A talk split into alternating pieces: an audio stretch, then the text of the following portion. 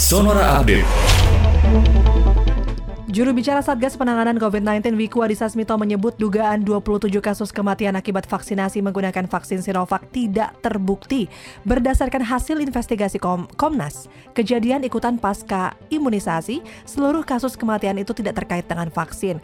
Menurut Wiku, dari 27 kematian, 10 kasus terjadi akibat infeksi COVID-19. Kemudian, 14 kasus akibat penyakit jantung dan pembuluh darah. Sementara satu kasus karena gangguan fungsi ginjal secara mendadak dan dua orang lainnya karena diabetes mellitus serta hipertensi. Kementerian Ketenagakerjaan tengah proses upgrade sistem informasi ketenaga kerjaan atau Sisnaker untuk mendukung akses informasi pasar kerja.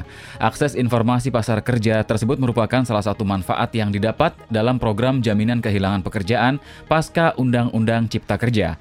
Kemenaker juga akan mengembangkan fitur untuk konseling dan bimbingan karir.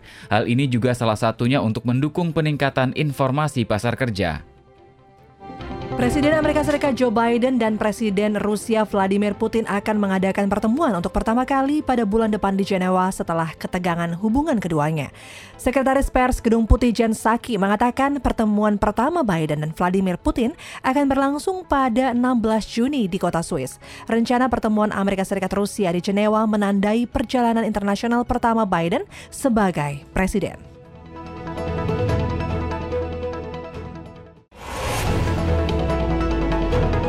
Demikian Sonora Update.